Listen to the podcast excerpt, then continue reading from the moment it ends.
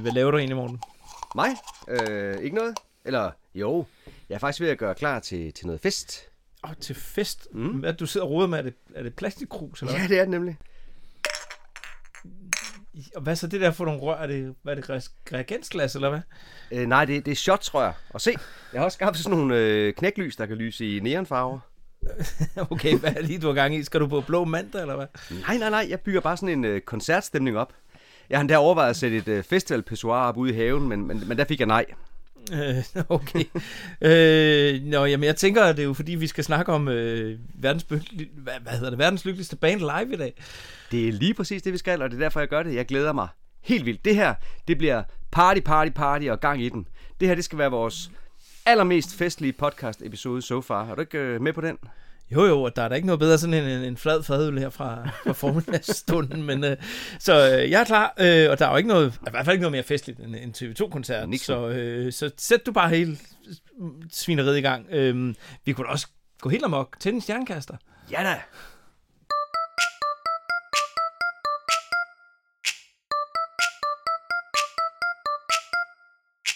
Vi taler kun om TV2 Babadabadabab. De er gode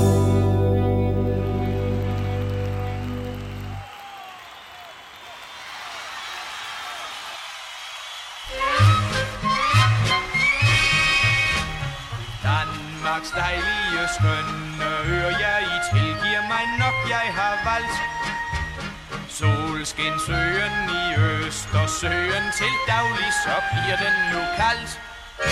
Bornholm, Bornholm, Bornholm, du min dejlige ferieø. Bornholm, Bornholm, Bornholm, ved den herlige Østersø. Mit Bornholm, dine piger er så kønne, lige fra Sandvig til Næksø og Rønne. Bornholm, Bornholm, Bornholm, tak for ferie,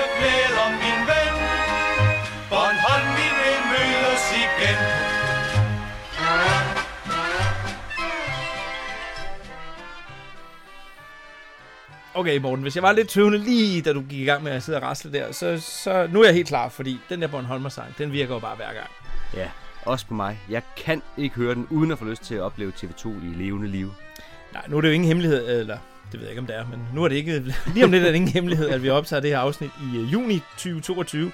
Så det er jo ikke så lang tid siden, at vi to vi var sammen til koncert med TV2 i Tivoli Friheden i Aarhus. Nej, det er nemlig rigtigt. Og det endte med at blive en dejlig aften, hvis du spørger mig. Jamen, det bør jeg jo slet ikke spørge om, fordi jeg stod jo sådan... øh, Jeg så dig på nærmeste hold, jeg stod lige ved siden af. Ja. Altså, du er i hvert fald ikke typen, der står med korslagte arme under en TV2-koncert. Nej, det kan man ikke sige. Der skal synges og danses med, skal der. Og så synes jeg egentlig, der var overraskende god plads deroppe foran til mine moves den aften. Ja, vi var helt oppe i, i anden række faktisk ja. øh, ved scenen, og det er, jo, det er jo helt skørt, fordi da vi var i barn lige inden koncerten og hentede nogle fadøl, så kunne jeg jo næsten ikke sparke mig frem nede bagved. Nej. Øh, vi havde fået de gode pladser, øh, både med hensyn til at kunne se og høre bandet, men ja, også bare i forhold til, at der var, der var god plads. Ja, det var faktisk det var- var... lidt skørt. Det var deroppe, der var bedst plads. Men øh, skønt var det. Hvad var dit øh, højdepunkt for den koncert? Åh, det er jo svært. Det er jo et stort, langt højdepunkt, når vi sådan er til TV2-koncert. Men jeg synes faktisk, det var fedt at se, at Steffen Brandt, han var i virkelig dansemood den aften, den, den der fredag aften. Øh, jeg tænker, han måske var ekstra godt humør, fordi nu var det jo hjemmebane i Aarhus. Øh, eller så, ja, så var det de mange gode sange. Der var i hvert fald mange af dem fra min top 3. Dem, dem spillede de mange af den ja, aften. det gjorde de. Det er nemt for dig, når du har så mange yndlingssange, som. Ja. du har. Men det har jeg jo også. Øh, jeg kunne godt lide at komme og se, fra Danser var med. Det, det var sådan lidt overraskende, synes jeg. Ja, det, det er altid god, når den er på. Og øh, så spillede de stille og roligt i søndag i Aarhus V, eller Aarhus V, som Steffen Brandt han så insisterende, insisterende råbte. Ja, og den har de også med i fællessang på DR ugen inden. Øh, det er dejligt, at de ryster posen og overrasker lidt en gang imellem. Men altså, det er jo også dejligt bare at høre hits og synge fællessang sammen med alle de andre til sådan en koncert der. Jamen altså helt enig. Øhm, det eneste, der mig lidt, det er, at man ved, at de måske spiller et nummer, der passer til byen. Så vi skulle nok også have været i Herning og høre tæt trafik i Herning, for eksempel. Eller, Ja, ja, men øh, vi kan ikke nå alle koncerterne, Desværre. Morten, desværre. så, de Så, spiller øh, i IKAST lige om lidt. Der skal jeg op og høre om IKAST også, så Ja. fortæl mig om IKAST. IKAST og... Ja. Nå, øhm, vi kan også gøre noget andet. Vi kunne ja. bare høre øh, hele verdens lykkeligste band, og så øh, ja, det er jo det, vi skal i dag. Mm. Mere eller mindre. Vi skal bare ikke høre den hele pladen, som vi plejer i det her afsnit, fordi vi har jo ligesom hørt alle de her enkelte numre, så, så hvad kunne vi gøre i stedet? Ja, det er du ret i. Vi har snakket om sangene, ikke? Så øhm, vi vil nok komme til at gentage os selv lidt for meget. Jeg ved ikke, hvad vi så ellers... Øh, har du nogle idéer? Øhm, altså, vi skal i hvert fald ikke lade være med at høre noget musik, tænker Nej. jeg. Altså, jeg har faktisk noget rigtig lækkert, jeg har fundet, som jeg vil sætte på sådan til sidst i episoden. Øh, Okay. Øh, og måske skal vi også allerede nu røbe, at vi den her gang skal tale med en af dem, som virkelig ved noget om, hvordan det er at stå på scenen med TV2. Ja, det er rigtigt. Øh, fordi da vi alligevel var i Aarhus, så havde vi taget vores øh, optageudstyr med, og øh, så mødtes vi med ja, selveste Niels Hoppe, for at høre lidt om, hvordan det er at spille med TV2. Ja, og det kan I godt glæde jer til. Især hvis I sidder og tænker på, om The Aarhus Horns nogensinde har glemt at komme ind på scenen på det rigtige tidspunkt. Ja, eller hvis I vil vide, om Niels Hoppe nogensinde har stået på scenen og opdaget, at han har glemt sin saxofon nede i omklædningsrummet. Ah, det kan da vist ikke være sket, kan det? Jamen, øh, det vil jeg jo så ikke røbe endnu. det får han selv lov til at fortælle os øh, lige om lidt.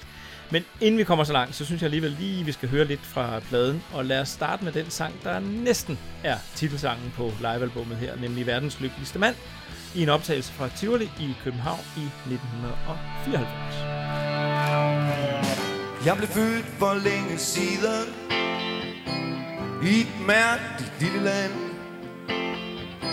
en kunne ikke vide, at jeg en dag vil blive Verdens lykkeligste mand. Men jeg kunne se det med det samme. Jeg slog øjnene op. Stjernerne tændte der på himlen. Og hjertet bankede i min krop. Jeg tænkte, det er liv, det kom for at blive. Noget helt fantastisk stort. Men sandsynligvis også det eneste. Det eneste liv, som man nu får. Man får, hvad man fortjener, og alle gør alt, hvad de kan. Chancerne er få, der findes ingen opskrift på, hvordan jeg tænker. Hvis en andre gider, så lad det mig Det er verdens lykkeligste mand. Hey, hey, hey, verdens lykkeligste mand. Yeah, yeah, yeah, verdens lykkeligste mand.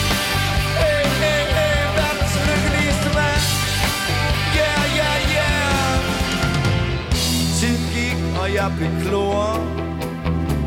Og grim og kejlet og forgivet Specialist i dårlig timing. Og helt uklædelig generet Jeg tænkte, hvis jeg nu lader som om jeg er dum Så lad de mig nok være i fred.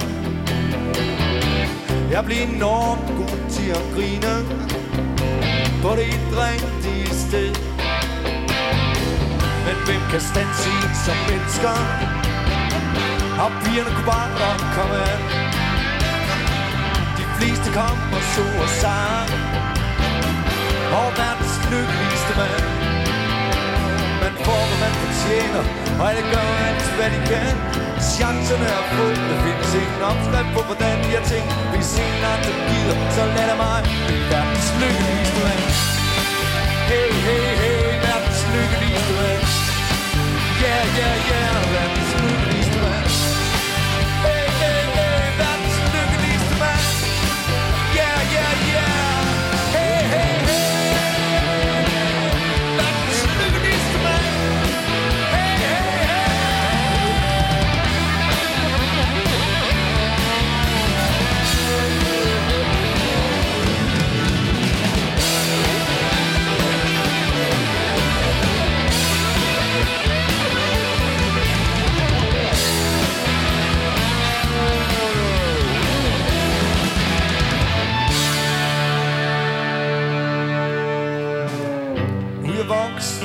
forstandig Og man skal ikke sige sig tilbage. Rundt om hjørnet ligger livet. Og jeg ved præcis, hvad jeg vil have. Der er frit vand på alle hylder. Selv en dag, hvis det skal være. Romantik og stjernedrømme Kold i regn, en vild begær savner dig fuldt som sjæl, babe Du ved den dybe grund, det stille vand Og helt dernede, hvor det sortner er verdens lykkeligste mand. Man får, hvad man fortjener, og alle gør alt, hvad de kan. Chancerne er få, der findes ingen opskrift på hvordan. Men pludselig, så står du der i regn og sne og skud og blæsning for sommer, vinter, dagen i et øjeblik, verdens lykkeligste mand. Hey, hey, hey, verdens lykkeligste mand. Yeah, yeah, yeah, verdens lykkeligste mand.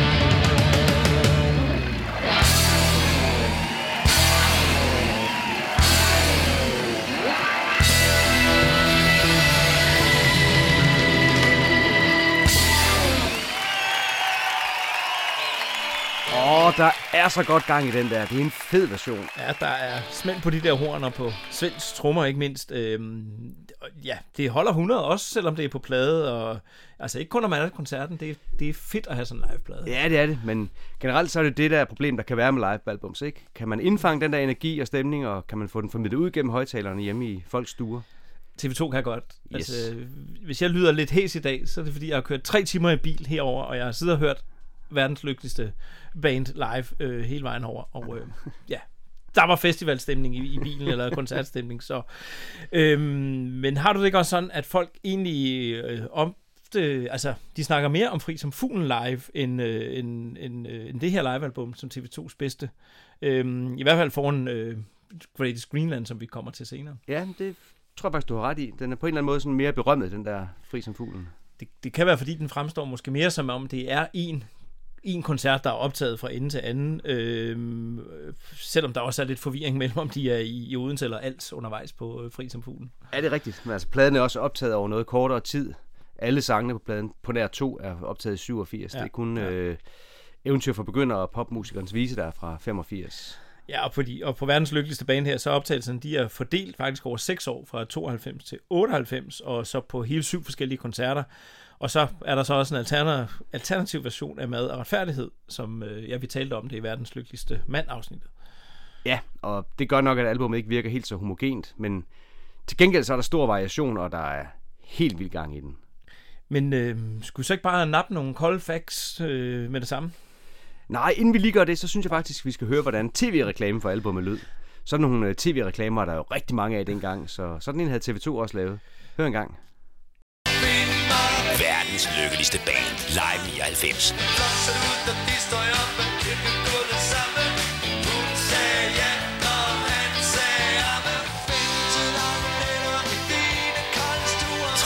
Møghits samlet på en dobbelt CD til en CD's pris.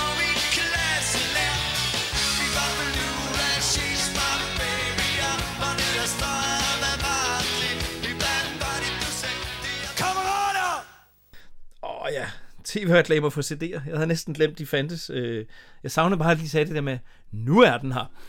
øh, nå, øh, kom nu med de der cold facts. Øh, i hvert fald jinglen, Morten, til at starte med. Ja, ja, jeg skal nok. Der skal mere end kolde facts i, og stængs i som mig. Tak for det. Pladen udkom den 10. maj 1999, og det var den første udgivelse på TV2's eget pladeselskab, som havde fået navnet pladeselskabet Have a Cigar. Ja, hvorfor var det nu lige, de pludselig lavede deres eget pladeselskab? Jamen, det var vist nok en idé, der var opstået sådan ret spontant efter deres koncert i London i september 98. Øh, Der var de kommet til at tale om, at det kunne være fedt at hjælpe unge danske kunstnere i gang, uden at de nødvendigvis skulle omkring sådan et stort internationalt pladeselskab, som udelukkende gik efter hits. Mm. Jeg kan huske, at de udgav plader med øh, Under Byen, Mathias Grib og Tobias Trier. Ja, det er godt husket, Morten. Mm. Øhm, og så har så også TV2-plader, deres egen plader, øh, startende med den her. Ja, den blev markedsført under parolen Lad det blive sommer. Den har solgt i 70.000 eksemplarer, hvilket er faktisk 1000 eksemplarer mere end øh, Fri som Fuglen Live 87. Ja, og det var da faktisk en lille overraskelse for mig, må jeg indrømme. Ja, også for mig, fordi at, øh, som vi sagde lige før, så er den jo indspillet i årene fra 92 til 98, og så forskellige steder som Kolding, Tivoli i København, øh, Pumpehus også i København, ja, både i 94 og 96, Så er den optaget i Roskilde og i Amager Bio og i Vega. og så altså løbende i Toskana, som, øh, som det gælder så kun madretfærdighed. Så altså, bortset fra Mean Blues, som er optaget i Kolding, så er resten af pladen optaget i København eller nærmeste omegn. Ja, jeg synes godt, vi kan kalde det sådan en rigtig københavnersnudeplade, men altså, jeg vil så også sige, at folk i Roskilde, de bliver fornærmet, hvis du siger, at deres by ligger i, øh, i Københavns nærmeste omegn. Ah, visse vasse. Min søster bor lige uden for Roskilde, og hun er en slags københavnersnude for mig. Hun bosatte sig der på grund af nærheden til København, så I rest my case. Jamen okay, så, så vil jeg lige undskylde over for alle vores københavnske lyttere og folk fra Roskilde. Morten han bor i det mørke Jylland, øhm, så hans manglende forståelse for Sjællands geografi, den er lovlig undskyld. Ja, ja, så siger vi det. Anyways, så er pladen indspillet med Werners mobile studie, og udover TV2 medvirker naturligvis også The Aarhus Horns. Og den er tilegnet publikum og arrangør, fordi de har holdt hinanden og orkestret ud gennem alle årene. Udover at være en CD, så var udgivelsen også en CD-ROM med interaktivt materiale, for eksempel teksterne. Ja, alle veje ført til CD-ROM i de år. ja, det gjorde de. Øh, Bornholms Tidene gav sit helt eget bud på, hvorfor TV2 efter, år efter år kunne begejstre publikum. De skrev disse vise ord. Steffen Brandt har en helt speciel udstråling, som kan gøre selv det mest kedelige publikum veloplagt. Teksterne rammer den danske befolkning perfekt, og sangene er lette at synge med på. Sådan, der blev vores fascination af Steffen Brandt og TV2, der lige kogt ned til en øh, lille bitte magiterning. Teksterne rammer den danske befolkning perfekt, og sangene er let at synge med på. Ja. Altså, svære behøver det ikke at være. Øh, spil lige en sang til fra pladen, Morten. Yes.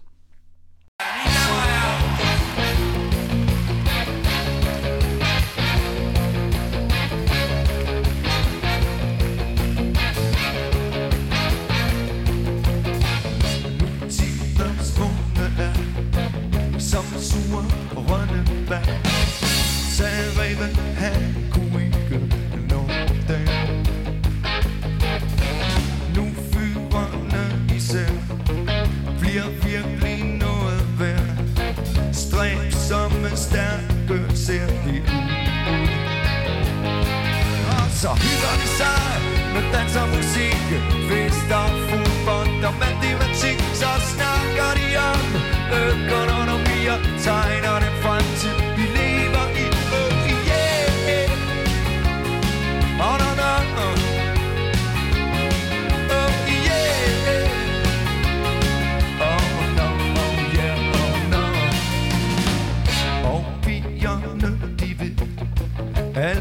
alt og kærlighed. De er meget smukke, når vi smiler. Og sammen vil de frem. Karriere, fuld og hjem. Alle hver for sig og lige glade Og så hygger de sig med dans og musik. Fester, fodbold og matematik Så snakker de om og tegner den fremtid Vi lever i Så, så hygger de sig med dans og musik Fester, fodbold og matematik Så snakker de om økonomi og tegner den fremtid Vi lever i oh, Tak for det. Det var vist også en sang fra min top 3, var det ikke? Jeg skal lige tjekke. Ved du hvad, Michael, jeg har fuldstændig mistet overblik over den top 3. lad Kan du, ikke, øh, kan du ikke sætte dig ned og lytte alle vores podcast-episoder igennem, så kan du måske finde ud af, hvor lang den liste i virkeligheden er. Er det ikke bedre, at jeg venter til, vi har indspillet vores øh, sidste episode, hvis vi når det her til en dag? Så, så lover jeg at lave den store samtælling. Okay. Men der er jo kun tre sange. Er der kun tre? Jamen, det er Cirka. Top, ja, cirka. Gør, hvad du vil, du tror, Ja. du skal, siger jeg bare. tak for det, Morten. Danmark er et dejligt land. Og det skægge ved det hele er, at jo længere væk man kommer, jo dejligere forekommer vi danskere at være. For eksempel er der ingen tvivl om, at vi er åbne, vi er tolerante, vi er sprængfyldt med energi, vi er venlige, vi er imødekommende. Og så er vi gode med dyr. De fleste danskere kan ikke gå forbi en hund, uden at de må klappe den. Oven i det, så er vi enormt beskedne. Men det bedste af det hele er næsten, at vi er villige til, når det kommer til stykket, så vil vi godt bytte det hele væk. De fleste danskere, de vil sådan set hellere have pengene. Hvad er egentlig det næste, vi skal? Jamen, øh, jeg tænker, at vi snart skal høre, hvad Niels Hoppe havde at fortælle. Men inden vi kommer så langt, så vil jeg høre, om du kunne tænke dig at høre en lille opsang fra Steffen Brandt. Det tror jeg godt, vi alle sammen kan trænge til sådan en gang imellem. Så ja tak. Lige præcis.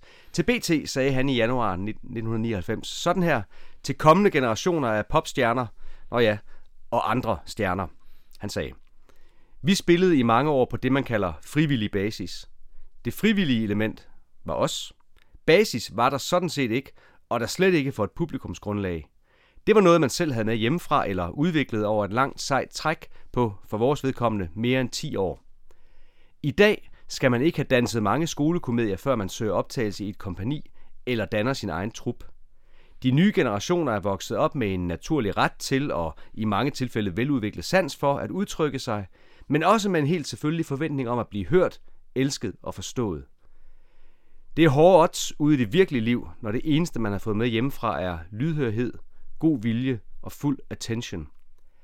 Jeg vil være nødt til at opfordre en debutant i musikbranchen til flid, tålmodighed og respekt for publikum. Man bør ikke ulejlige sine medmennesker, medmindre man har noget vigtigt at sige. Endelig skal man være indstillet på, at branchen engang cirka hver femte år ryger ind i det, den selv som malerisk kalder en krise. Men det går over. Alt sammen. Og jeg synes simpelthen, at vi skal lave en bagrudestreamer, hvor der står, man bør ikke ulejlige sine medmennesker, medmindre man har noget vigtigt at sige. Der er i hvert fald mange efterfølgende per popstjerner, og ja, ikke mindst reality-stjerner, som øh, også nogle af de der typer, som har glemt at, at læse det, eller hørt efter, hvad Steffen sagde. dengang. Ja, desværre. Men en, der både udviser flid, tålmodighed og respekt for publikum, det er der Niels Hoppe fra The Aarhus Horns. Og jeg synes, at vi efterhånden er kommet så langt, at vi kan lade vores lyttere høre, hvad han havde at fortælle, da vi satte ham stævne i loungen på et hotel i Aarhus. Ja, og vi undskylder på forhånd, der er sådan lidt baggrundsstøj undervejs. Det lyder, lyder måske lidt som et afsnit af Café Hak eller et eller andet.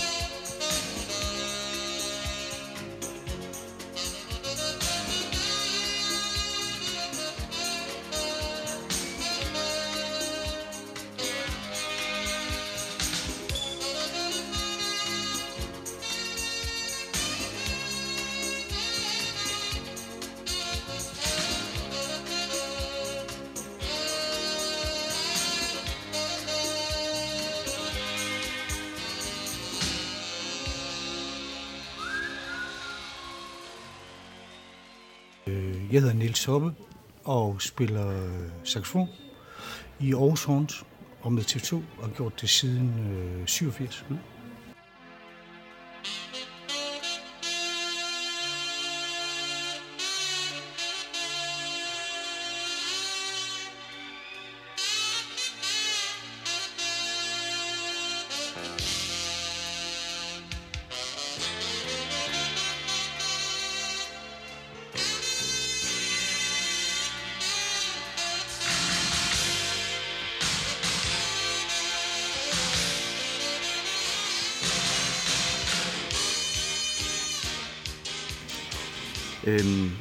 Inden du sådan begyndte at spille med TV2, hvad er så din musikalske baggrund? Hvor, hvor kommer du fra? Sådan? Jamen, øh, ja, altså, det har mest sådan været sådan soulmusik og fusionsmusik, og, mm. men også rock.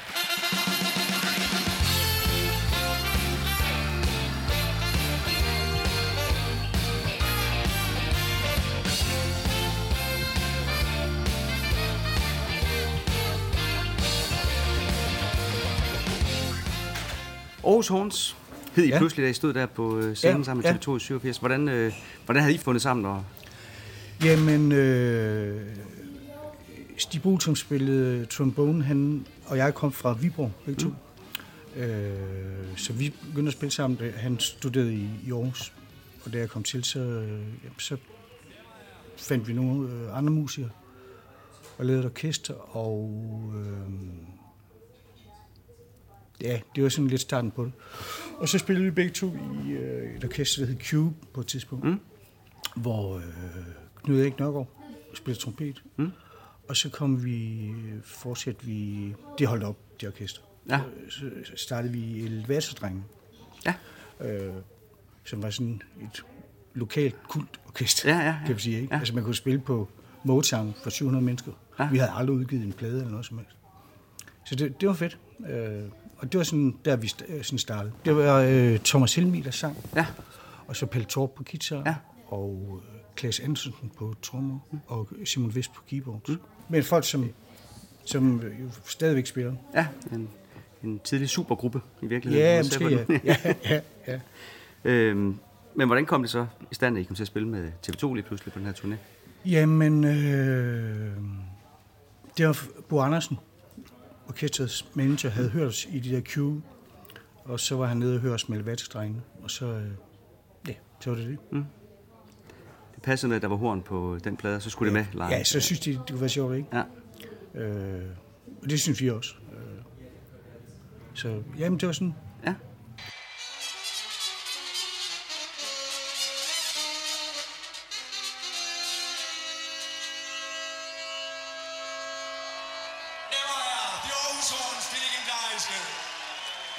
Øhm, kan du huske noget der, sådan fra da I startede med at spille med TV2, for det må have overrasket publikum. Jeg kan huske, at jeg læste anmeldelser også.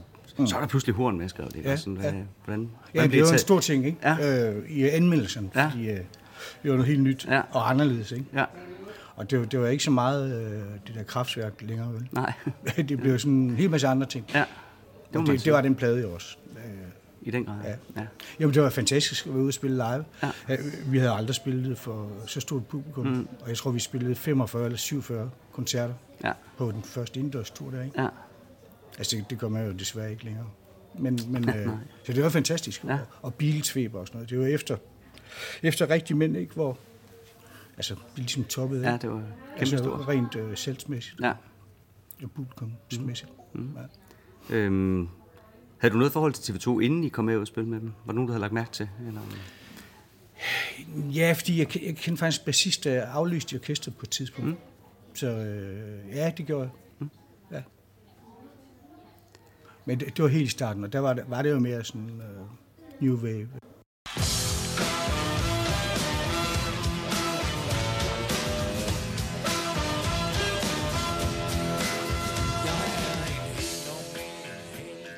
Nå, alle de her hornarrangementer, I øh, står og underholder os med. Ja. Jeg kunne godt tænke mig at høre om, hvordan de sådan øh, bliver lavet. Mm. Øh, er det noget, der sådan bliver jammet frem, når I står i øvelokalet, mm. eller er det noget, du har skrevet ned på noder hjemmefra og siger, at vi skal bruge det her, eller ja. hvordan foregår det?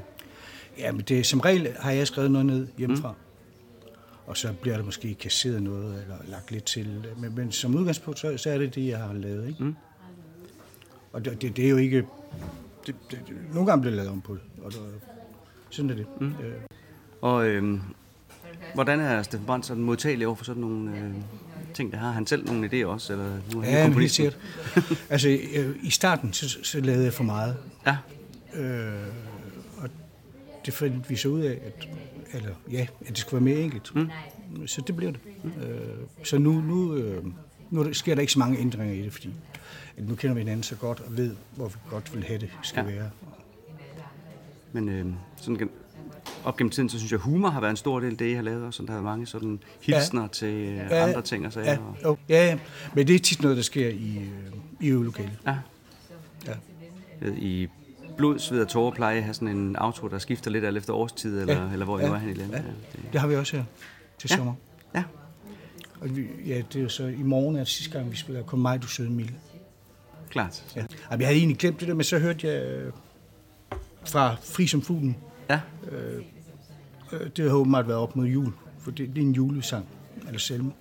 Og det havde jeg glemt, at vi lavede det der til sidst. ja. Så det er nu taget op igen.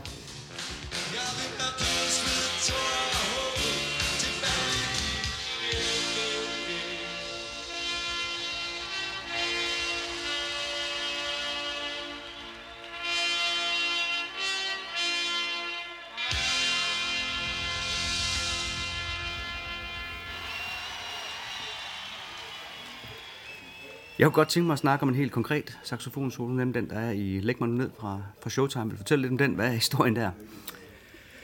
Ja, men det var Thomas øh, Troelsen, der, øh, som bad mig om at, at spille, som om jeg var på syre. Og det prøvede jeg så. øh, og så plus det, den forvejning også til, at jeg skulle stå et helt bestemt sted. Så det, er- det er en naturlig forvejning. Ja, Øh, Ja, Jamen, det var sådan, det var. Det lyder helt vildt. Jeg skulle høre den et par gange, før jeg opdagede, Ja. at det var en, øh, en saxofon i Ja, det hele taget. ja, ja. Det er meget, meget bladet. Ja,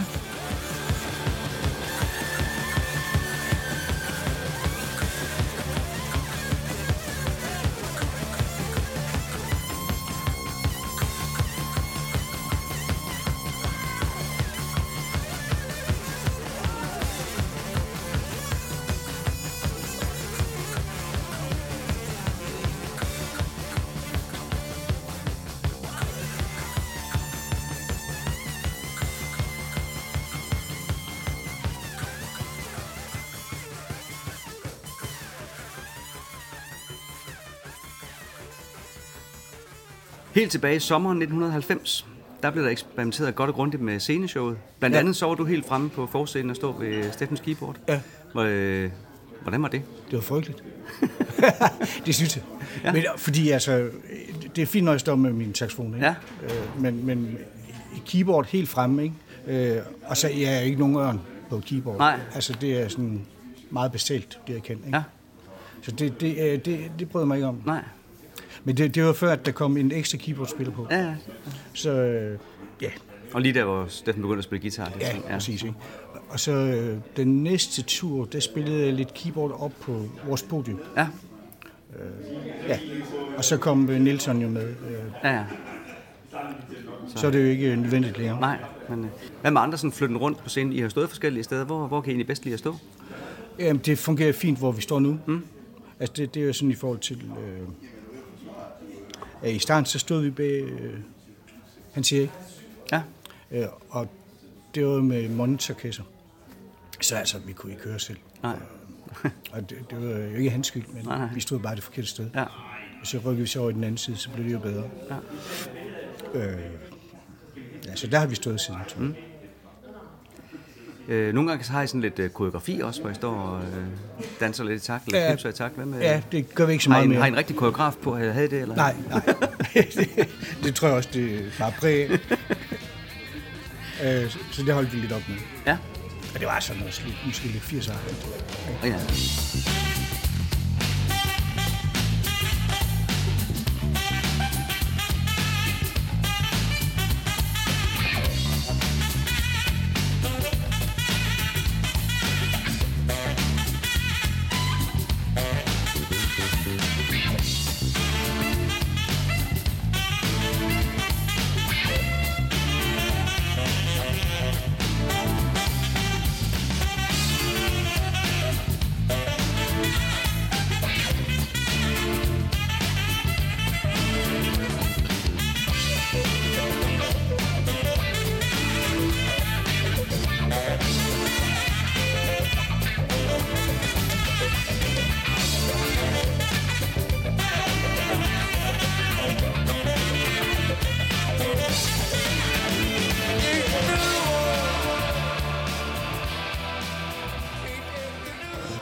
Du et yndlings TV2-album?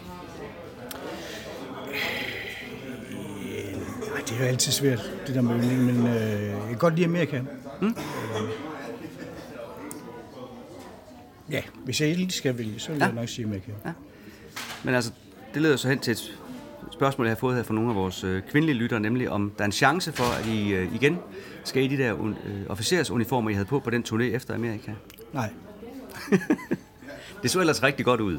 Ja, men det var en del af koreografien, ikke? Det var Ja. ja. også sådan en Amerikadamper, ikke? Jo, jo, og så på den måde var det meget sjovt, ikke? Ja, det var rigtig sjovt. Ja. Jeg, var faktisk, jeg synes, en som jeg husker, det er en af de fedeste opstillinger, vi har haft. Ja, jamen, det var flot. Det var flot bagtæppe også der med. Ja, det var det. Ja.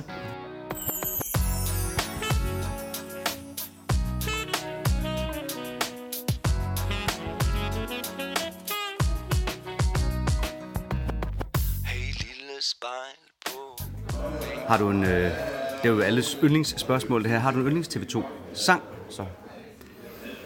Jamen, der er jo mange øh, muligheder, ikke? Men øh, altså, Line Jørgensen synes jeg er et fantastisk nummer, ikke? Mm. Og, og, og fedt at spille. Og, det synes jeg... Turbo synes jeg også er fedt. Mm. Øh, jeg, også to, to sange, som fungerer godt live, ikke? Ja. Øhm, kan du prøve at beskrive lidt om, hvordan det føles, når man står foran 30.000 mennesker, som bare står og skråler en op i hovedet dybest set? Det er jo ikke noget, ret mange får lov til at prøve i virkeligheden. Nej, det er det ikke. Øh, jamen, det er jo selvfølgelig er det fedt. Mm. Øh, og man føler sig lidt mere tryg. Altså, ja. hvis man spiller for meget få, ikke, så, så bliver jeg i hvert fald personligt mere nervøs. Ja. Øh, så det er fedt. Mm. Og, øh, altså, især hvis man kan fornemme, at, at publikum er med. Ikke? Mm. Og, men altså, jeg synes også, det er fedt at spille små steder. For eksempel, mm. når vi har spillet på Moden på Ja. Frederiksø. Mm. Øh, Og i øh, IC3-toget i sin tid også, hvordan var det? det var sådan, øh, vi blæser var lidt øh, nervøse, fordi at, at det hopper jo sådan tog, mm. ikke? Om, om det ville øh, ødelægge vores ambusyre, men det, det fungerede okay. Ja. Ja. Så det, det var det, vi var mest bekymret for. Ikke? Ja. ja. Det var et af mine største chok nogensinde, det var, at I var med der. Det havde jeg Ja. simpelthen ikke troet, at I Nej, kunne nej. finde plads til her. Nej, i, nej. nej. Og det lød jo godt. Altså, Ja, det ja, var, ja, ja. Men øh, Ja. I blev ikke køresyge eller sådan noget. Nej, Nej. nej.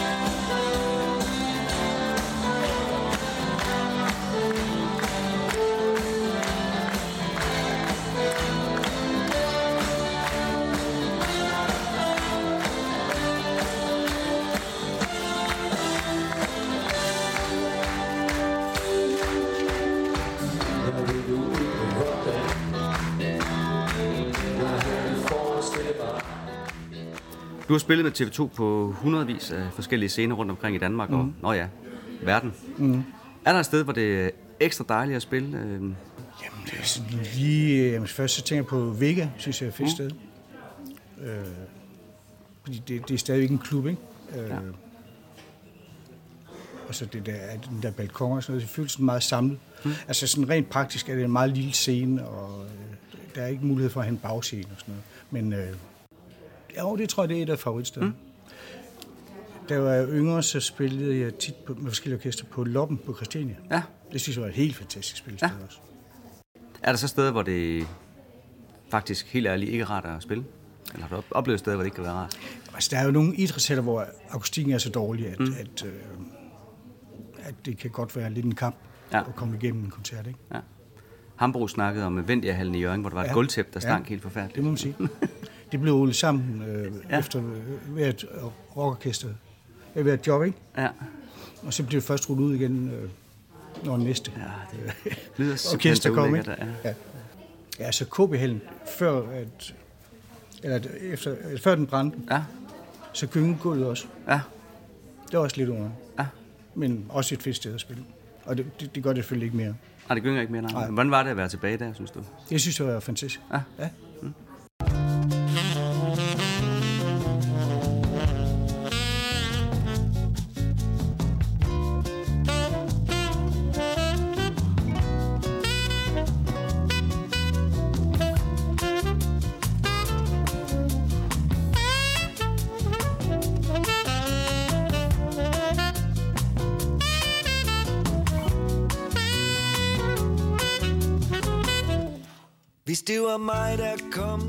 Er der nogle episoder, du kan huske, hvor det er gået, hvor det er gået galt for, for jer? Sådan et eller andet, der er gået... Øh, ja. Øh, der var et år på Midtfyn, hvor vi skulle spille hele natten, eller indtil Ja. det blev lyst. Ja. Fra midnat. Ja. Og så det første nummer, vi skulle med i, der skulle vi så ind i, midten af nummeret. Øh, og det kiksede. Det kom Nå. væk. Fordi I var faldet i søvn, fordi det var så sent. Nej, dog ikke. øh, nej, jeg, ved ikke. Jeg tror, vi var uopmærksomme. Nå. Ja. Nu med plejer vi at stå til, og, Ja, ja. men øh, lige pludselig var, skulle vi have spillet. Og det er sådan lidt ærgerligt start, ikke? Ja. på en lang nat. ja.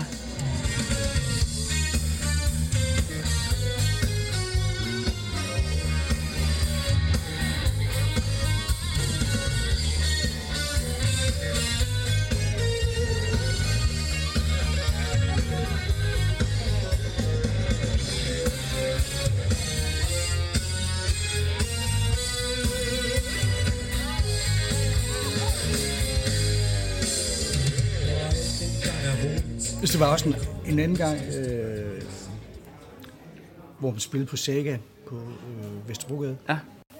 Og det, det er også øh, fri som fuglen live, øh, hvor vi spillede Dizzy Miss Lizzy. Mm. Og så kom vi op på scenen, og så havde jeg så glemt min saxofon nede i omklædningsrummet. Så jeg må storme ned, og så kan man så høre, det kan man ikke, fordi øh, jeg spillede så med på, i studiet.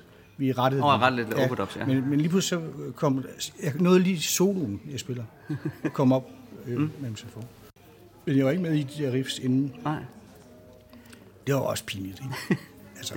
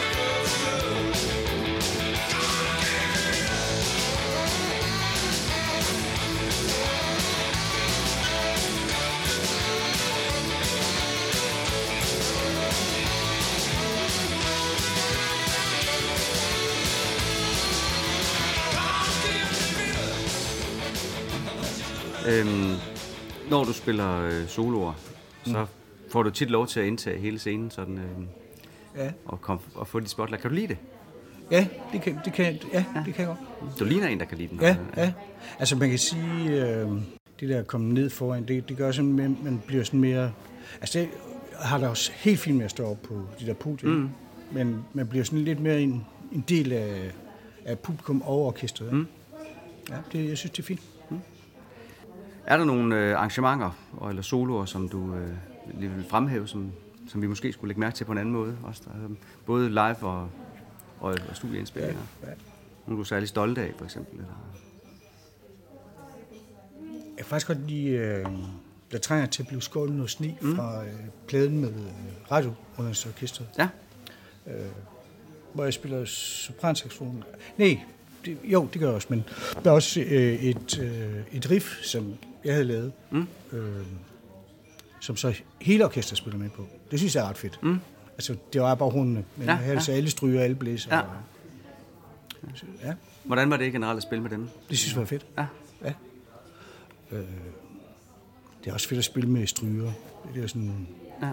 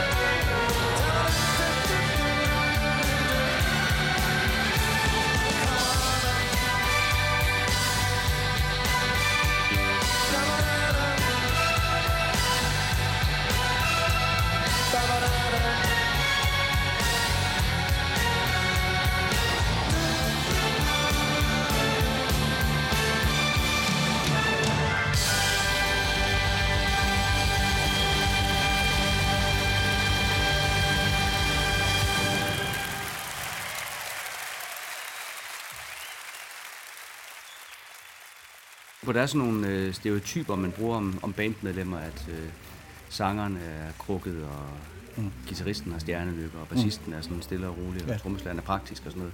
Ja. Hvad, hvordan er hornspillere? Øh, det ved jeg ikke. Nej. Fordi vi, vi er ikke så mange øh, af sådan nogle horn. Nej, nej. Øh, så jeg ved ikke, om, hvad man siger om os. Det kan være, du ved. Nej, Nej. det er faktisk ikke. Men øh, stille og rolig og kolerisk og mm. Sure og glade, Ja, ja, ja. ja. vil jeg tro. Men det der med, du sagde med, med den karakteristik af de forskellige musikere, det er jo fuldstændig rigtigt Ja. i TV2. Der Ja, det holder. De, men det er derfor, de har holdt sammen så mange år, fordi de lever op til de der. De jeg. passer lige ind i Ja, rammerne der. ja, ja. ja. Ja. Øhm, hvad er egentlig med dine sådan musikalske forbilleder? Hvem, hvem er det? Hvis du har nogen. Jamen, jeg har egentlig ikke sådan, som, altså, som guitarist, der har jeg guitarister selvfølgelig, ikke? Og jeg har ikke sådan en rigtig saxofonforbillede. Der er nogen, jeg rigtig godt kan lide, men mm. øh, der er en jazz-saxofonist, der hedder Wayne Shorter, som mm. jeg lærte at kende et fusionsorkester, der hed øh, Weather Report. Ja. Og så har man også lyttet til siden, men det er ikke for at kopiere ham, bare fordi jeg synes, øh, han er fantastisk. Mm. Men der er meget fantastisk musik. Øh, Jeg lader mig også inspirere af klassisk musik, mm. øh, jazz, øh, alt muligt. Ham der saxofonisten fra Muppet Show. Mm. Har du baseret dit look på ham, eller er det omvendt? Ja, men han var jo først. Var han først? Ja. Så,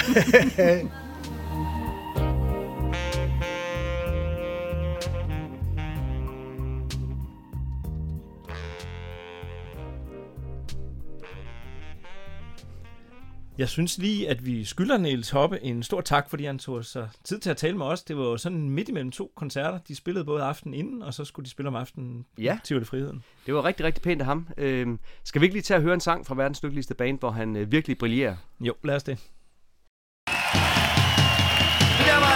Tak for jer. Tak fordi I måtte komme her til Roskilde.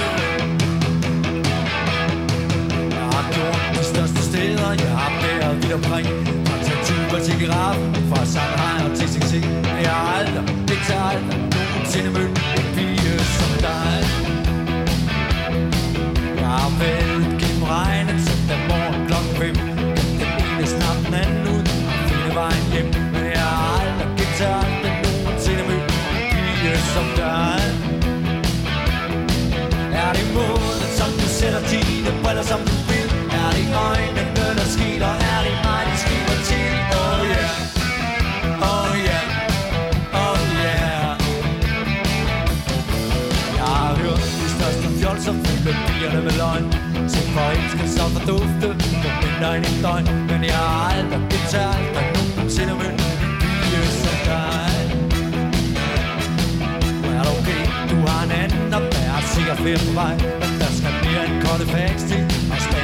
mig For jeg har aldrig, det tager aldrig nogensinde mødt En pige som dig.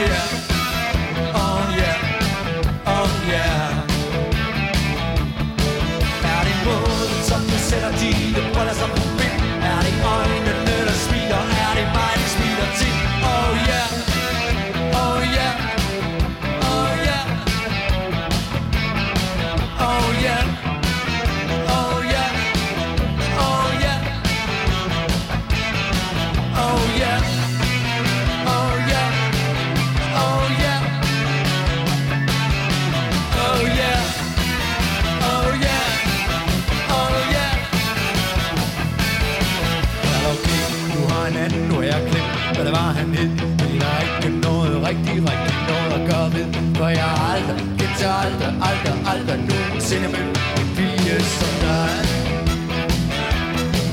Er det mod, som du sætter dine briller, som du vil? Er det øjnene, der skiler? Er det mig, de skiler til? Oh yeah, oh yeah, oh yeah er det måden, som du sætter dine briller, som du vil? Er det øjnene, der blinker? Er det mig, de blinker til? Oh yeah,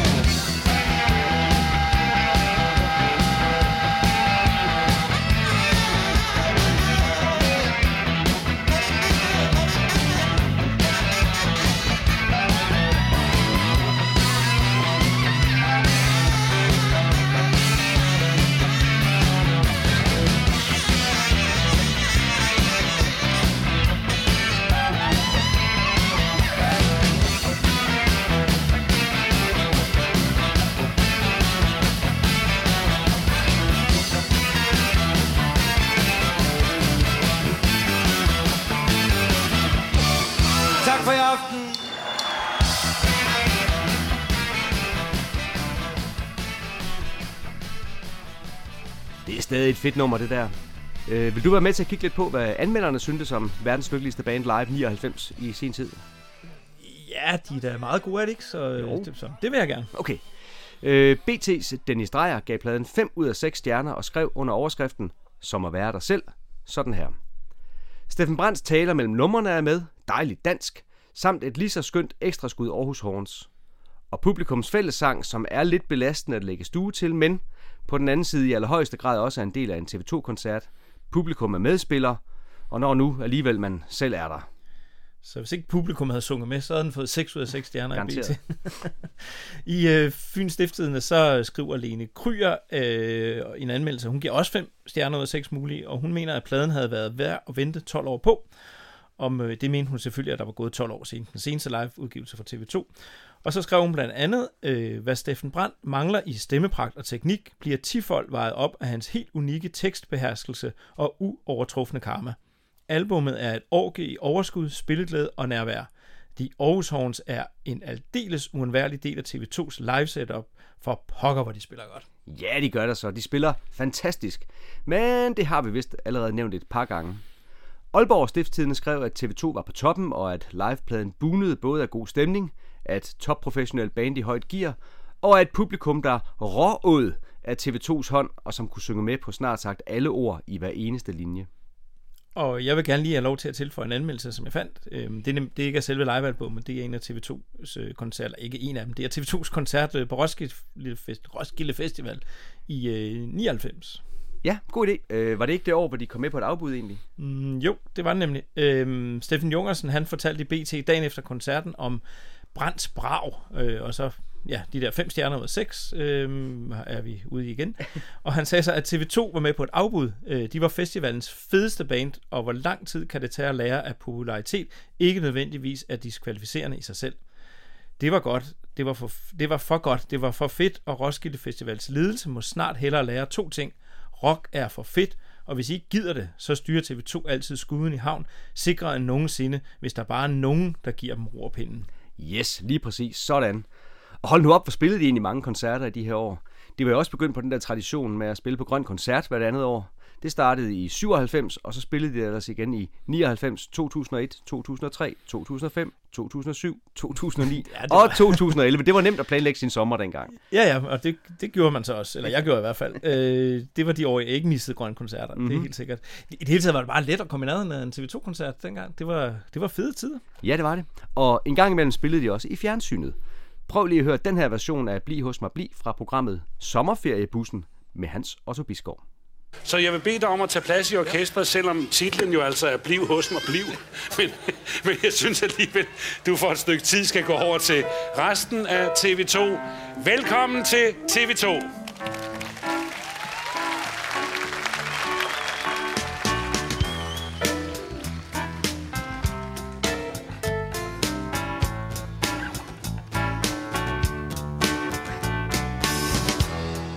Bliv hos mig, bliv Endnu en sommerfesttid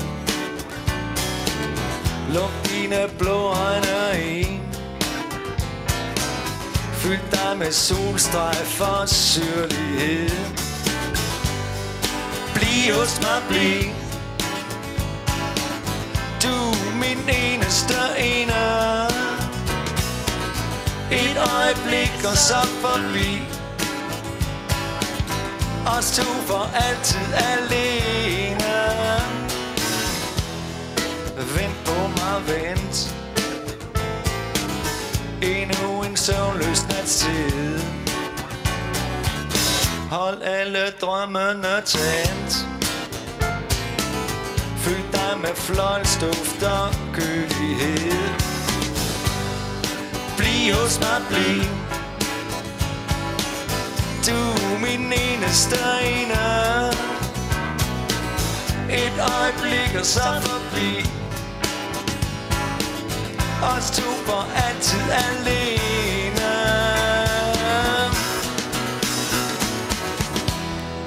Og sådan en nat skal være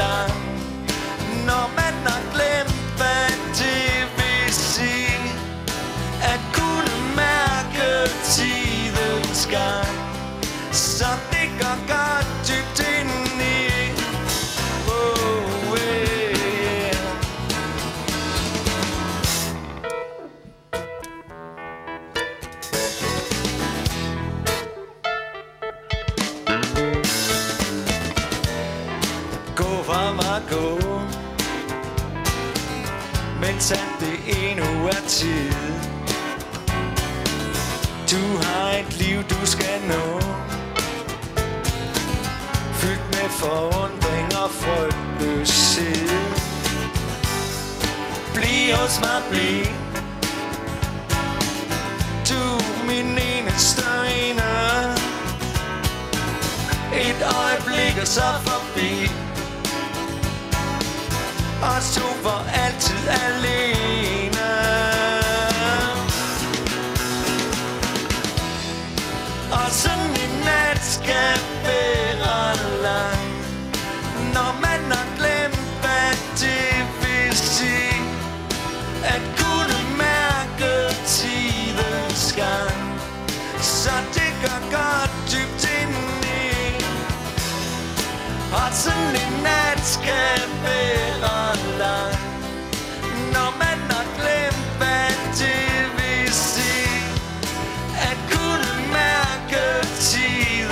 Gang Så det gør godt dybt indeni oh, yeah.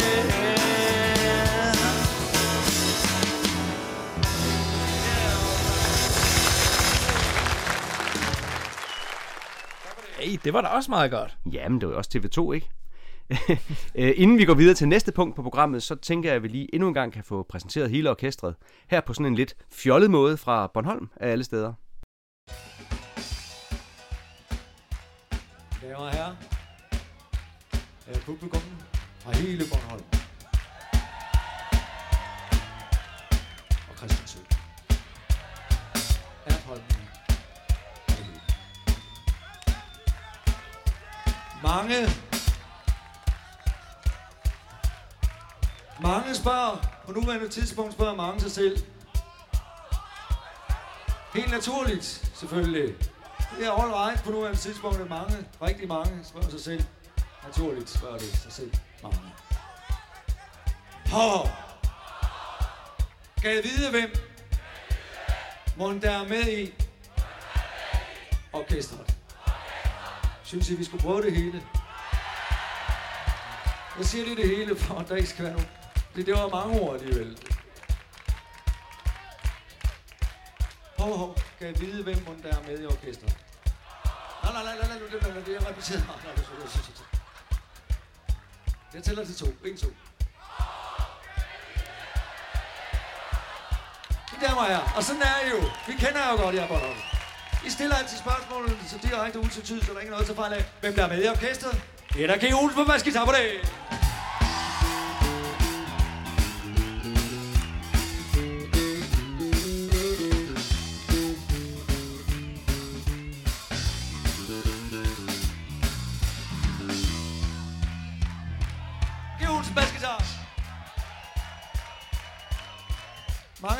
Været til et hav af koncerter, og jeg ved ikke, om I har lagt mærke til, at når det kommer til en del andre orkester, ikke mindst de udenlandske, så er der mange trommeslager, som forsøger at springe over, hvor gæret er lavest, når det kommer til trommesolo.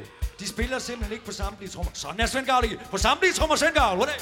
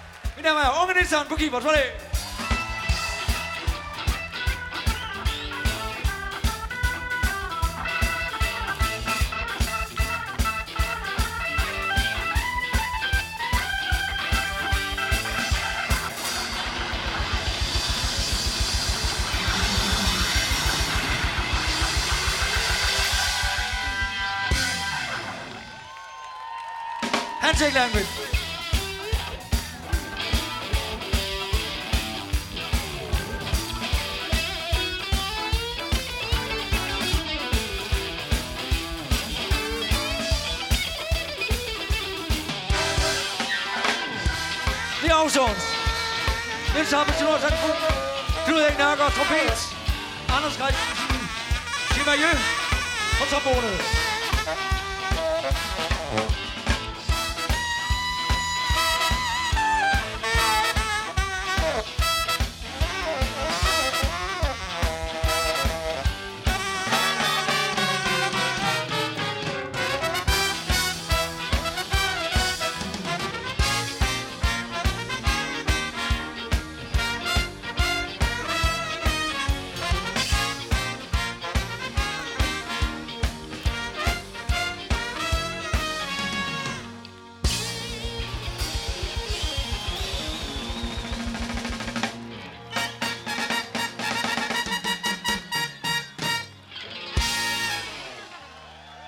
Have, mine damer og herrer. Godt, så fik vi det på plads. Lige præcis. Øh, kan du huske, at jeg pralede af tidligere, at jeg havde noget lækkert, som jeg kunne spille øh, til, lidt senere? Ja, det har jeg jo så siddet og ventet på lige siden. Øhm, hvad er det, du har fundet? Jamen, det er noget rigtig spændende faktisk, hvis nu jeg selv skal sige det. Nu snakkede vi om lige før, at TV2 gav en masse koncerter de her år, både på Grøn Koncerter og Roskilde, udover de almindelige albumturnéer og andre sommerturnéer. Men der er alligevel en koncert, der hæver sig lidt op over de andre. Ved du, hvad det er for en, jeg tænker på? Jeg tror, du tænker på øh, maratonkoncerten på Midtfyns Festival i år 2000. Yes, lige præcis. Øh, festivalen fyldte 25 år det år, ligesom mig i øvrigt. Og de havde hyret TV2 til at spille en koncert, der skulle vare hele natten. Ja, og øh, det kan jeg sagtens huske, fordi at, øh, jeg er to årsager egentlig. Det var nemlig kun en uge efter den her forfærdelige øh, Pearl Jam-koncert mm. i, på Roskilde Festival. Og øh, jeg arbejdede på Roskilde Festival det år, og øh, havde fri der den aften, de spillede Pearl Jam, og øh, havde så ikke været til selve Pearl Jam-koncerten, men overhørt et eller andet... Øh, whatever, jamaikansk bane på eller andet. Mm. Men, øh, men vi vidste, at en af vores venner havde været på øh, til Pearl Jam-koncerten, og øh, efterfølgende, så ville vi selvfølgelig gerne have fat i ham, og han tog ikke sin mobiltelefon, og vi ringede og ringede og ringede hele natten. Øhm, jeg skulle til et bryllup dagen efter og til væk fra festivalen. Men øhm, vi fik øh, lige pludselig ud på formiddagen, så kom der så sms'er fra ham, der havde været væk. Okay. Og han bare skrev, undskyld, undskyld, undskyld. Øh, det viser sig, at han var ikke gået op og hørt Pearl Jam, men han var taget med en øh, pige hjem i stedet for at have slukket sin telefon, og anede ikke, at den her ulykke var sket. Åh, nej. Øh, men, øh, men jeg kunne først rigtig nyde det der bryllup dagen efter, da vi fandt ud af, at, øh, at vores kammerat der var i god behold. Ja, men, øh, og så ugen efter, så sad jeg så helt alene derhjemme i min lejlighed øh, en hel nat og så TV2's øh, koncert fra Ringe. Øh, jeg var meget gul og grøn over, at jeg ikke kunne komme over til Midtfyn. Mm. På den anden side, så havde jeg også fået nok af festival og fare og alt muligt andet.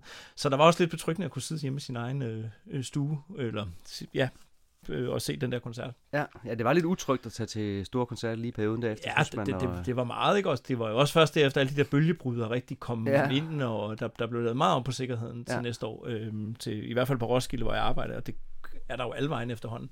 Ja. Så, så noget godt kom der, der ud af det der, Det må man sige. om ikke andet. Men, øh, men det var ikke så farligt at sidde hjemme. Øh, sad du også op og så den der hele natten? Nej, nej, nej, nej. Det her, Nej. mit internet var ikke hurtigt nok overhovedet til at turde give mig i kast med det der. Så øh, det var også sådan lidt, øh, det var lidt hakken, ikke? Øh, at sidde og se, men, øh, men ja, det var heller ikke så nemt at holde sig vågen under hele koncerten. Det kan vi vende tilbage til, fordi at, øh, den startede ja. lidt sent. Den startede nemlig først kl. 00.30 den 9. juli, og så varede den cirka 3 timer. Overskriften for koncerten var Rock til vi styrter. Er det ikke også noget med rock til solen står op? Eller nej, de spillede til solen Ja. står op, eller sådan noget. Ja, så... Øhm, fordi da selve koncerten var slut, så var det ved at blive lyst over festivalpladsen. Øhm, jeg tænker, om der overhovedet der var nogen, der styrtede undervejs. Jamen, det er et rigtig godt spørgsmål. Øh, Jeg har skaffet en optagelse af den her koncert, så øh, til sidst i dagens afsnit, så vil jeg spille et fyldigt sammendrag. Øh, Men jeg vil godt, inden vi når der til øh, lige omkring noget lidt andet, fordi TV2 havde også inviteret en lang række gæster med til koncerten. Ja, det, er jo, det var det, jeg måske nævnte lidt før. For det, var, det var der, det godt kunne være lidt svært at holde sig vågen, når man sad derhjemme med, med en, øh, en, en cola øh, og så koncert på. Øh, og de, de, tog, de, tog, øh, de tog lang tid, de der skift Mhm. undervejs, som jeg husker det. Øh, og så husker jeg, at de var heller ikke alle sammen lige gode. Er det for meget sagt?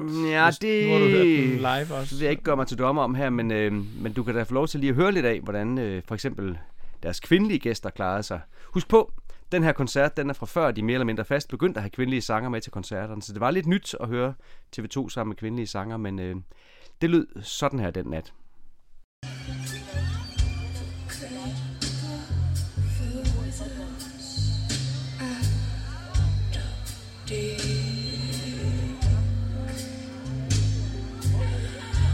For fitness must For out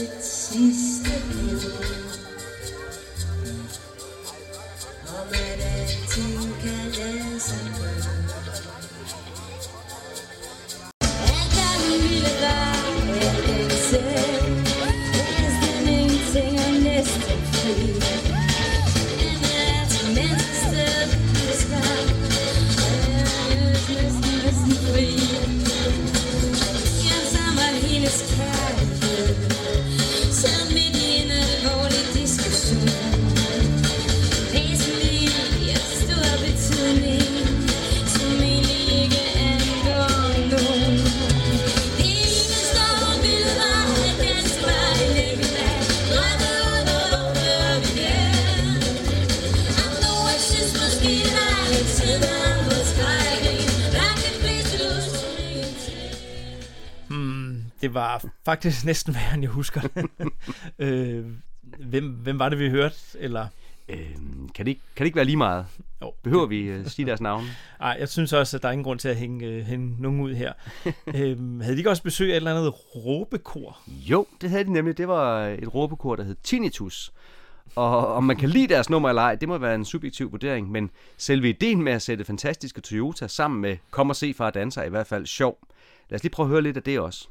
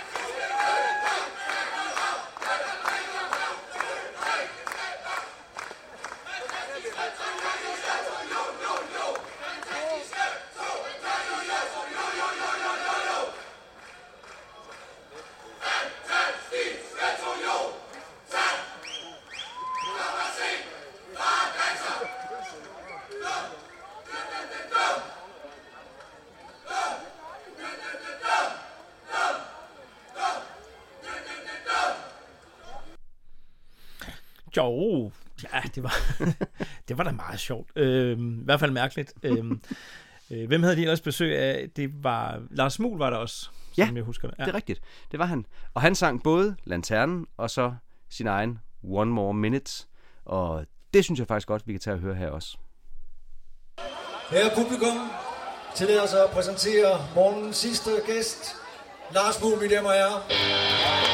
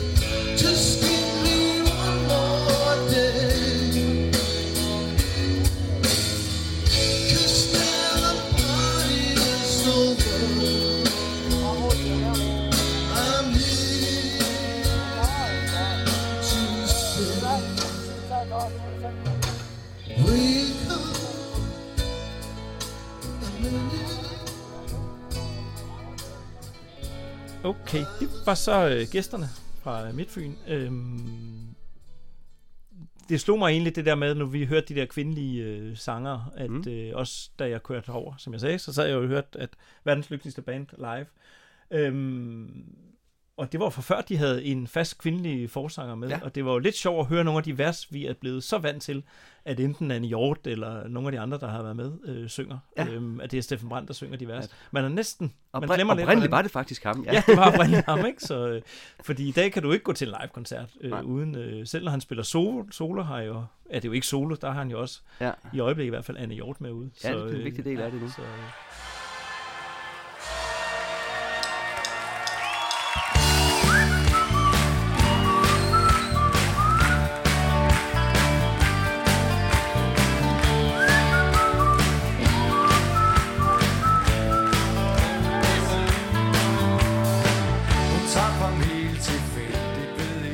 Men Morten, apropos koncerter, mm. øhm, vi har begge to været til mange koncerter. Det må man sige. Har du noget, du sådan husker særligt fra en TV2-koncert? Altså, jeg ved jo, der er en Ros, Rådhuspladsen i København, som måske betyder lidt ekstra.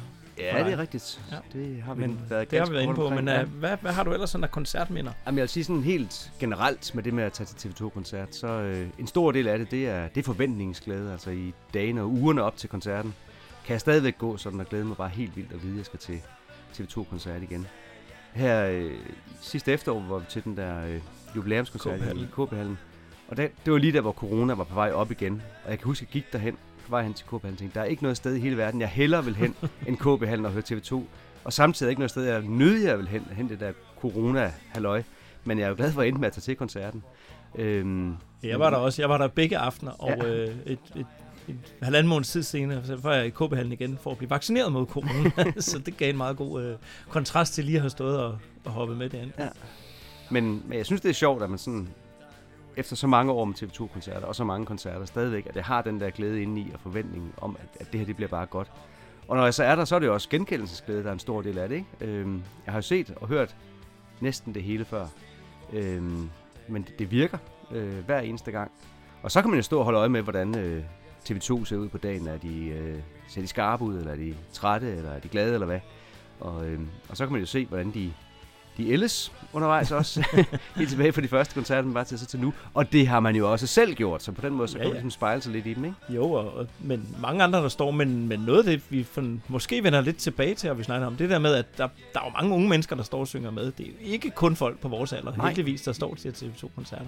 Så, øh, så det synes jeg, vi skal dykke ned i på et eller andet tidspunkt. Ja, det er det, rigtigt. det kunne være meget sjovt. Men, Men der er øhm, også mange med, som er meget ældre end os. Øhm, Ja, ja, men, øh, øh, også til, især til hans solo øh, Ja. Arrangementer, ikke? Der er jo virkelig Ja, ja. Gråt, Der- meget gråt hår. Ja, ja, der er den, øh, og de har jo også holdt nogle koncerter her, hvor, hvor man skulle øh, sidde ned. Øhm, der var jo lige inden corona, var de jo på en turné, hvor, Mm. mm. hvor første halvdel, det var side ned f- øh, delen. Øh, Og det var jeg ikke forberedt på på forhånd. Jeg skulle ned til Slagelse og høre sammen med nogle venner derfra, der havde inviteret mig med. Øhm, og de synes det var meget fedt, at vi skulle sidde der. Og sådan, og jeg tænkte, det kan ikke passe, vi skal sidde ned til en TV2-koncert. Det havde jeg det virkelig, virkelig stramt. Ja. Men, øh, men, men det er jo også en måde at opleve det på, fordi du får noget andet. Øh, Mm. Det er noget andet, når de spiller på den måde. Så, øh, så, så ja, det, det, i altså helt gamle dage, når, sådan i gymnasietiden i 80'erne, der øh, synes jeg altid, det var fedt. Der, der ville jeg gerne helt op foran, hvor man Ja. virkelig blev puffet og mast rundt ja. og skubbet og svedt som et svin for nu at, at sige det, som det var. Øh, det, det synes jeg var fantastisk dengang.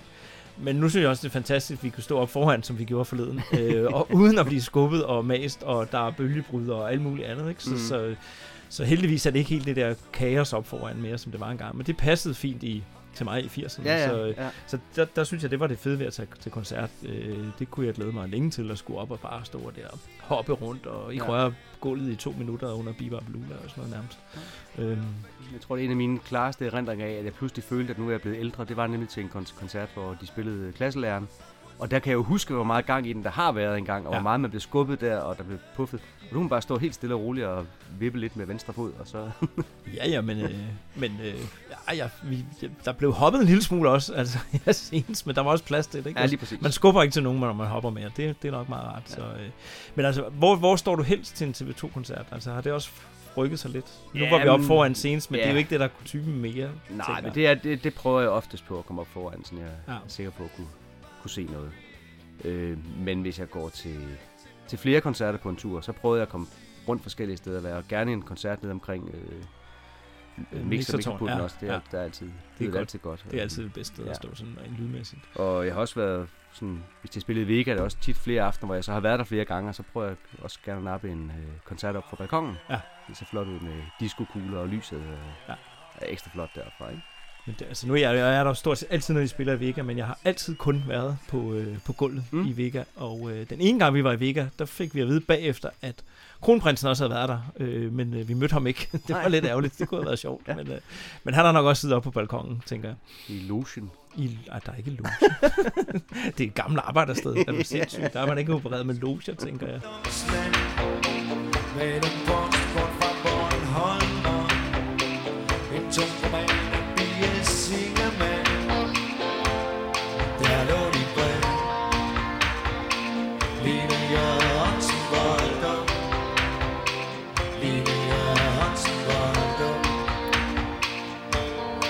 som du skrev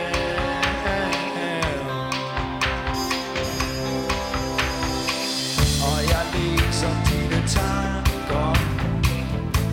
Med skråtskrift og sirlig pen Skrevet liggende i sengen Men afsigt fra himmelen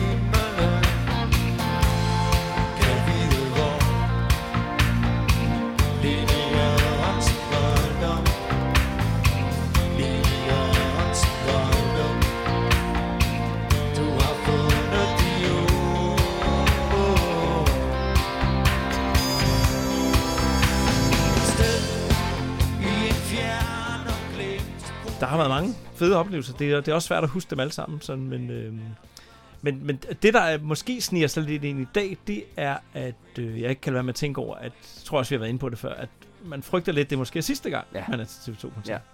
Altså, øh, i gamle dage, hvis man tænker, ja, gamle dage for mig, det er sådan før jeg blev far, øh, der havde jeg altid, der, der havde jeg altid bedst, hvis jeg havde en TV2-koncert billet hængende hjemme på, min, ja. øh, på mit køleskab, så jeg vidste, hvad jeg havde at se frem til. Ja. Øhm, nu har man jo så ikke fysiske billetter mere, men, øhm, men og jeg har en billet til, til Odense senere i sommer, så, øh, så jeg har en til koncert i hvert fald i, i bagage. Men man ved aldrig, om det er sidste gang. Det er det, og billetten der til jubilæumskoncerten, den havde vi lov til at have i rigtig lang tid, fordi udskudt et år, ikke? Ja, man vidste jo ikke, om corona nogensinde holdt op, så Nej. det kunne have været, det var sidste gang. Så Ja. ville min sidste TV2-koncert i så fald have været netop i Vega, men en total tid ned koncert, som var lige dagen inden de lukkede ned, en corona-lednukning i december. Mm. Og det var faktisk også den første TV2-koncert, hvor jeg havde min øh, datter med. Ja. Øhm, og det synes hun jo var meget...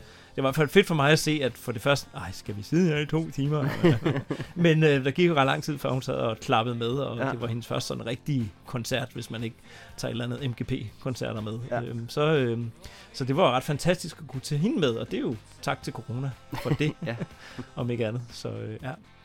Men øh, har du ellers sådan nogle sjove oplevelser fra TV2-koncerter, som ikke har noget med selve koncerten at gøre, men hvor du har været et mærkeligt sted, eller... Øhm, jeg har været til en TV2-koncert, hvor jeg ikke var inde og høre musikken. Tæller det? Øh, hvordan?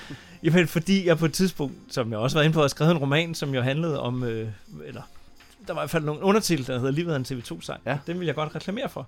Så jeg trykte nogle postkort, og så skulle de spille ude i øh, Ballerup Super Arena, eller hvad mm. pokker det hedder derude.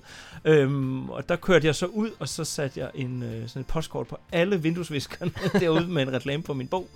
Og så kunne jeg jo, jeg havde ikke billet til koncerten, men jeg kunne sådan læse dem op i nærheden, og så kunne jeg stå og, og læne mig lidt op af muren deroppe, og så kunne jeg høre lidt sådan meget Ja, ja, ja. inde bagved, men, øh, men jeg blev stående og hørte det meste af koncerten. Kunne du så fornemme, om dit bogsalg var eksploderet i Ballerup og omegn? Ja, du er sindssyg, jeg er jo bestseller. Nej, overhovedet ikke. men øh, men det, det var da en meget god lejlighed. Ja. Så, ja, så, så, så det, var, det, var, det var i hvert fald den... Men ellers så tænker jeg, at noget af det, jeg husker altså bedst, det er stemningerne til, øh, til, til de grønne koncerter. Der, da Mm. de, vi var inde på det før, da de spillede. Altså, nogle af de der grønne koncerter, det synes jeg, det har været noget af det mest festlige overhovedet. Ja. Øhm, ja så, øh, fordi man har en hel dag også, der er andre bands og opladning og sidde og drikke øl med nogle venner og sådan noget. Og alle, alle var enige om, det eneste vi alle sammen var enige om at sidde og høre, det var TV2. Så, Mm. mm. skulle, man, så skulle man op foran, så kunne man ikke sidde på et tæppe nede bagved og høre mere. Mm. Så, og de spiller jo altid til sidst, Ja. som jeg husker det. Har du så nogle udenomsoplevelser? Ja, det har jeg altså. For eksempel var jeg med på hele deres Station to Station Tour der i 2008, hvor jeg solgte øh, merchandise. Ja. Og det var ret fantastisk. Den, øh, vi tog toget rundt til alle koncerter, fordi det nu var Station to Station. Ja, ja. Og, øh, Det ude på meget hotel undervejs. Jamen, det var helt vildt. Det var simpelthen så skægt. Og, øhm, og der fik vi ligesom også lov til at opleve koncerten på en anden måde, og, og fik virkelig set, hvordan der kan være forskel på publikum fra, fra sted til sted og fra dag til dag, og hvordan de mange steder i, især i Jylland, drak sig helt vildt i hegnet. Øhm, og hvor de på øh, Sjælland mere var kommet for, for at høre koncerten og, og købe merchandise i øvrigt. Man solgte meget mere derovre. Ja. Ja, så, øhm, øh. men til alle koncerterne sørgede jeg for at komme ind og, øh, og, og, og høre lidt af, af koncerten også, selvom vi skulle passe på uden. Og jeg optog en lille film øh, Ja. fra, var et lille snas fra hver eneste koncert på hele den der tur. Okay. Men det er også, altså, når man nu er med til samtlige koncerter på en tur, så kan man også meget bedre opleve det der med, hvordan de måske er forskellige fra aften til aften, og Mm. hvordan bandet lader sig påvirke stemningen i salen og sådan Ja, noget, kunne jeg og også forestille hvordan sådan et nummer som Randers station, den, der eksploderede det jo op i Ja, ja. Randers, ikke? Også, Ja, der ja. gik det jo helt amok til den selvfølgelig. Øhm, Jamen det er jo klart, men altså, de har jo også efterhånden skrevet om stort set samtlige byer, så, så, øh, så, så der, der, det, det bliver svært ikke, at de har en eller anden hjemstavnssang til alle steder. det er det, er jo, rigtigt. det er jo meget fint. Selv i Grønland. Har ventet, har ventet kun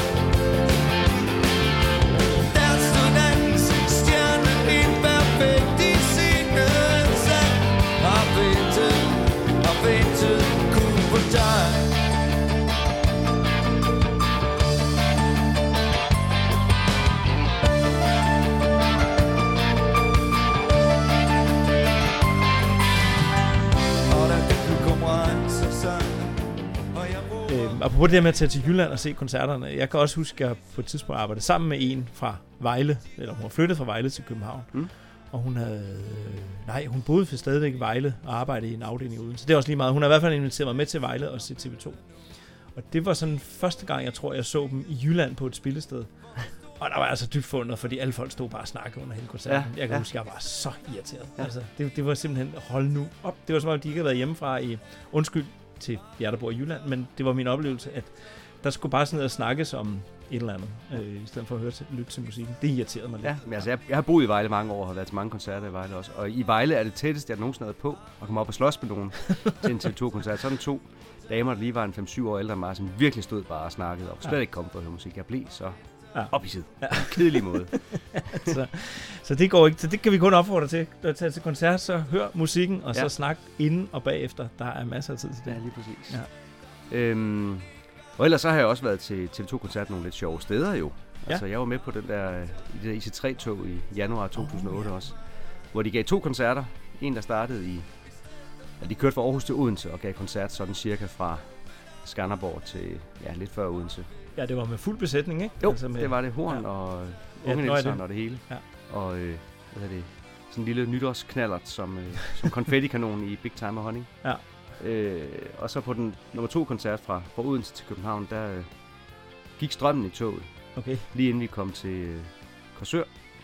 Så Steffen Brandt, vi holdt stille der lang tid, og Steffen Brandt sagde, ja, mens vi stadigvæk anduver Korsør, så gik strømmen, og så må de jo spille i et, et halvt nummer, øh, sådan helt akustisk i mørke. Det var, det var ret sjovt. Men det kunne de jo så også gøre, fordi det var så lille sted. Ja, lige præcis. Tænker, han, øh, det var den anden gang, vi har jo snakket om det der med på, var det ikke i Roskilde, hvor han havde stået og fortalt historier fra sine soldater, da, da teknikken svigtede. Så, så øh, det er godt, de har sådan noget klar, når, når det hele, det, øh, når alt andet svigter. Ja. ja. Så har jeg været i London og set dem tre gange. I Shepherds Bus. Yes, Ja. og i Paris har jeg været med Ja. øh, også. Og, øh, Ja, du har også været i Grønland, ikke? jo, jeg rejste til Grønland kun for at høre TV2. Ja. Så du overhovedet en øh, muskusokse, eller øh, indlandsisen, eller en gletsjer, øh, eller... nej, vi fik en, kørte en tur på, på hundeslæde. Okay. Ja. Ja, ah, det er også okay. Det er også noget. Ja, ja, vi skulle have sejlet med kysteskibet, men det blev ikke til noget, og vi gik også glip af den ene af de to koncerter, vi skulle have været til, og Men, øh, men det er jo bare Grønland i nødskal. Altså, der, der går tingene aldrig som planlagt. Det er Nej. jo del af charmen, kan man sige. Ja. Så, øh, ja. Ja, det, det er måske det, jeg fortryder allermest. Eller, ja, det, det kan jo snås endnu, men det, at jeg har hørt dem uden for landets grænse, det kunne Mm. mm. jeg godt have tænkt mig i Singapore eller London eller et eller andet sted. Øhm, jeg synes også, at de måske skylder at tage en tur til Færøerne igen og spille deroppe. Det, Ja. øh, Så det, der vil jeg helt sikkert tage med op. Øhm, det, kunne være, det kunne være sjovt. Noget andet er så, at jeg har jo mødt en masse mennesker til de her koncerter, som jeg efterhånden næsten føler, at jeg kender. Altså folk, som har været med i fanklubben, eller som bare dukker op hver gang, der er en koncert. Det er så hyggeligt. Mig blandt andet. For eksempel dig, ja. du er en af dem. Øh, det er altid hyggeligt. Øh, Men det er rigtigt, man møder tit de samme mennesker, eller ja. nogen, som rejser med rundt. nu det sker i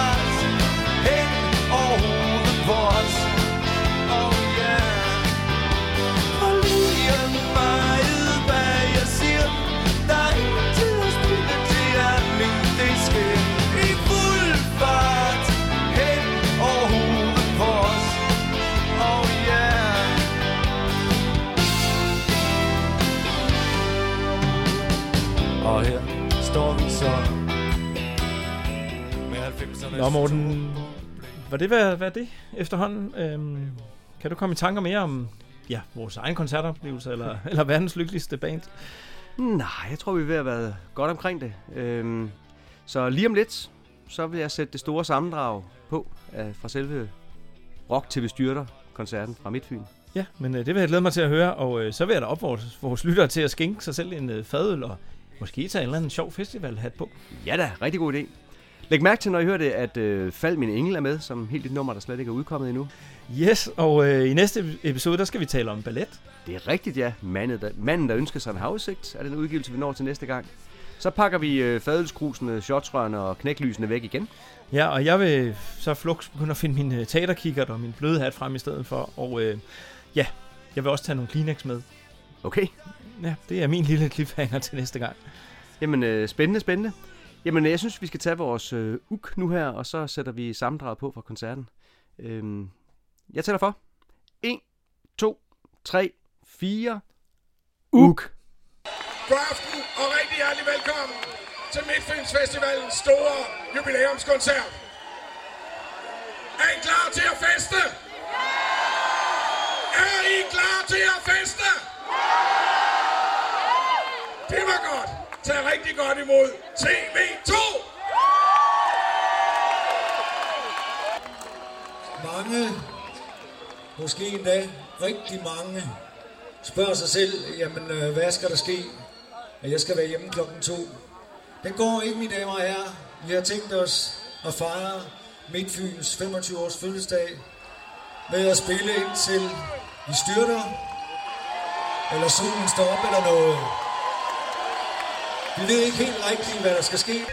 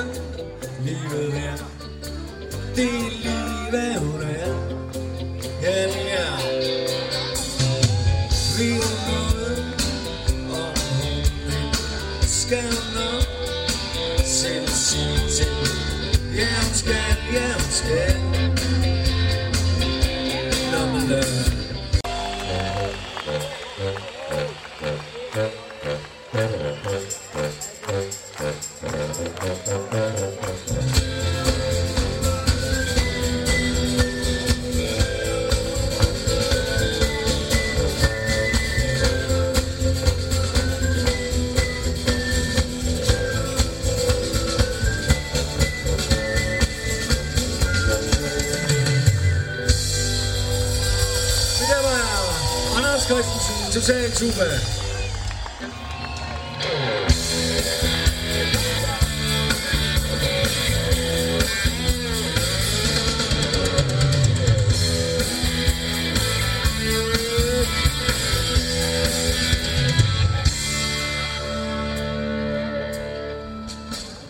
Jeg blev født for længe siden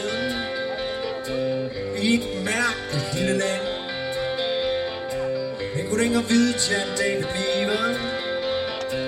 verdens lykkeligste mænd. Jeg kunne se de minde sammen Jeg slog øjnene op. Stjernehøste tændte der på himlen. Og hjertet bankede i min krop Jeg tænkte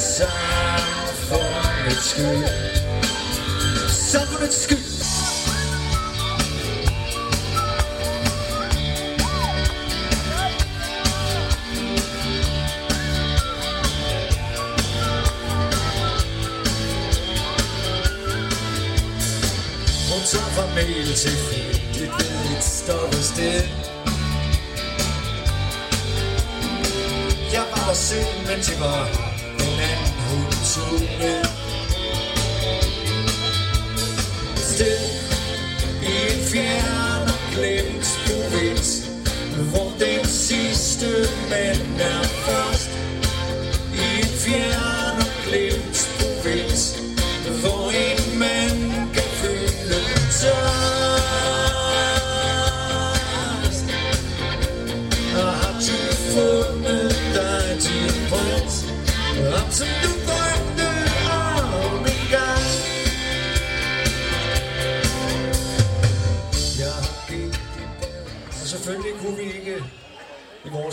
fantasi drømme om at komme her til Midtfyn den her morgen, den her søndag morgen, uden at have taget en ny sang med.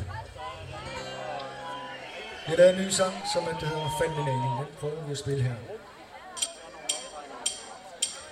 Fald min engel, bliv dog stille. Jeg venter på dig her. Styrt dig ud fra høje huse. Vi skal aldrig skilles mere. Følg mig over dybe dale, indtil smerten er op.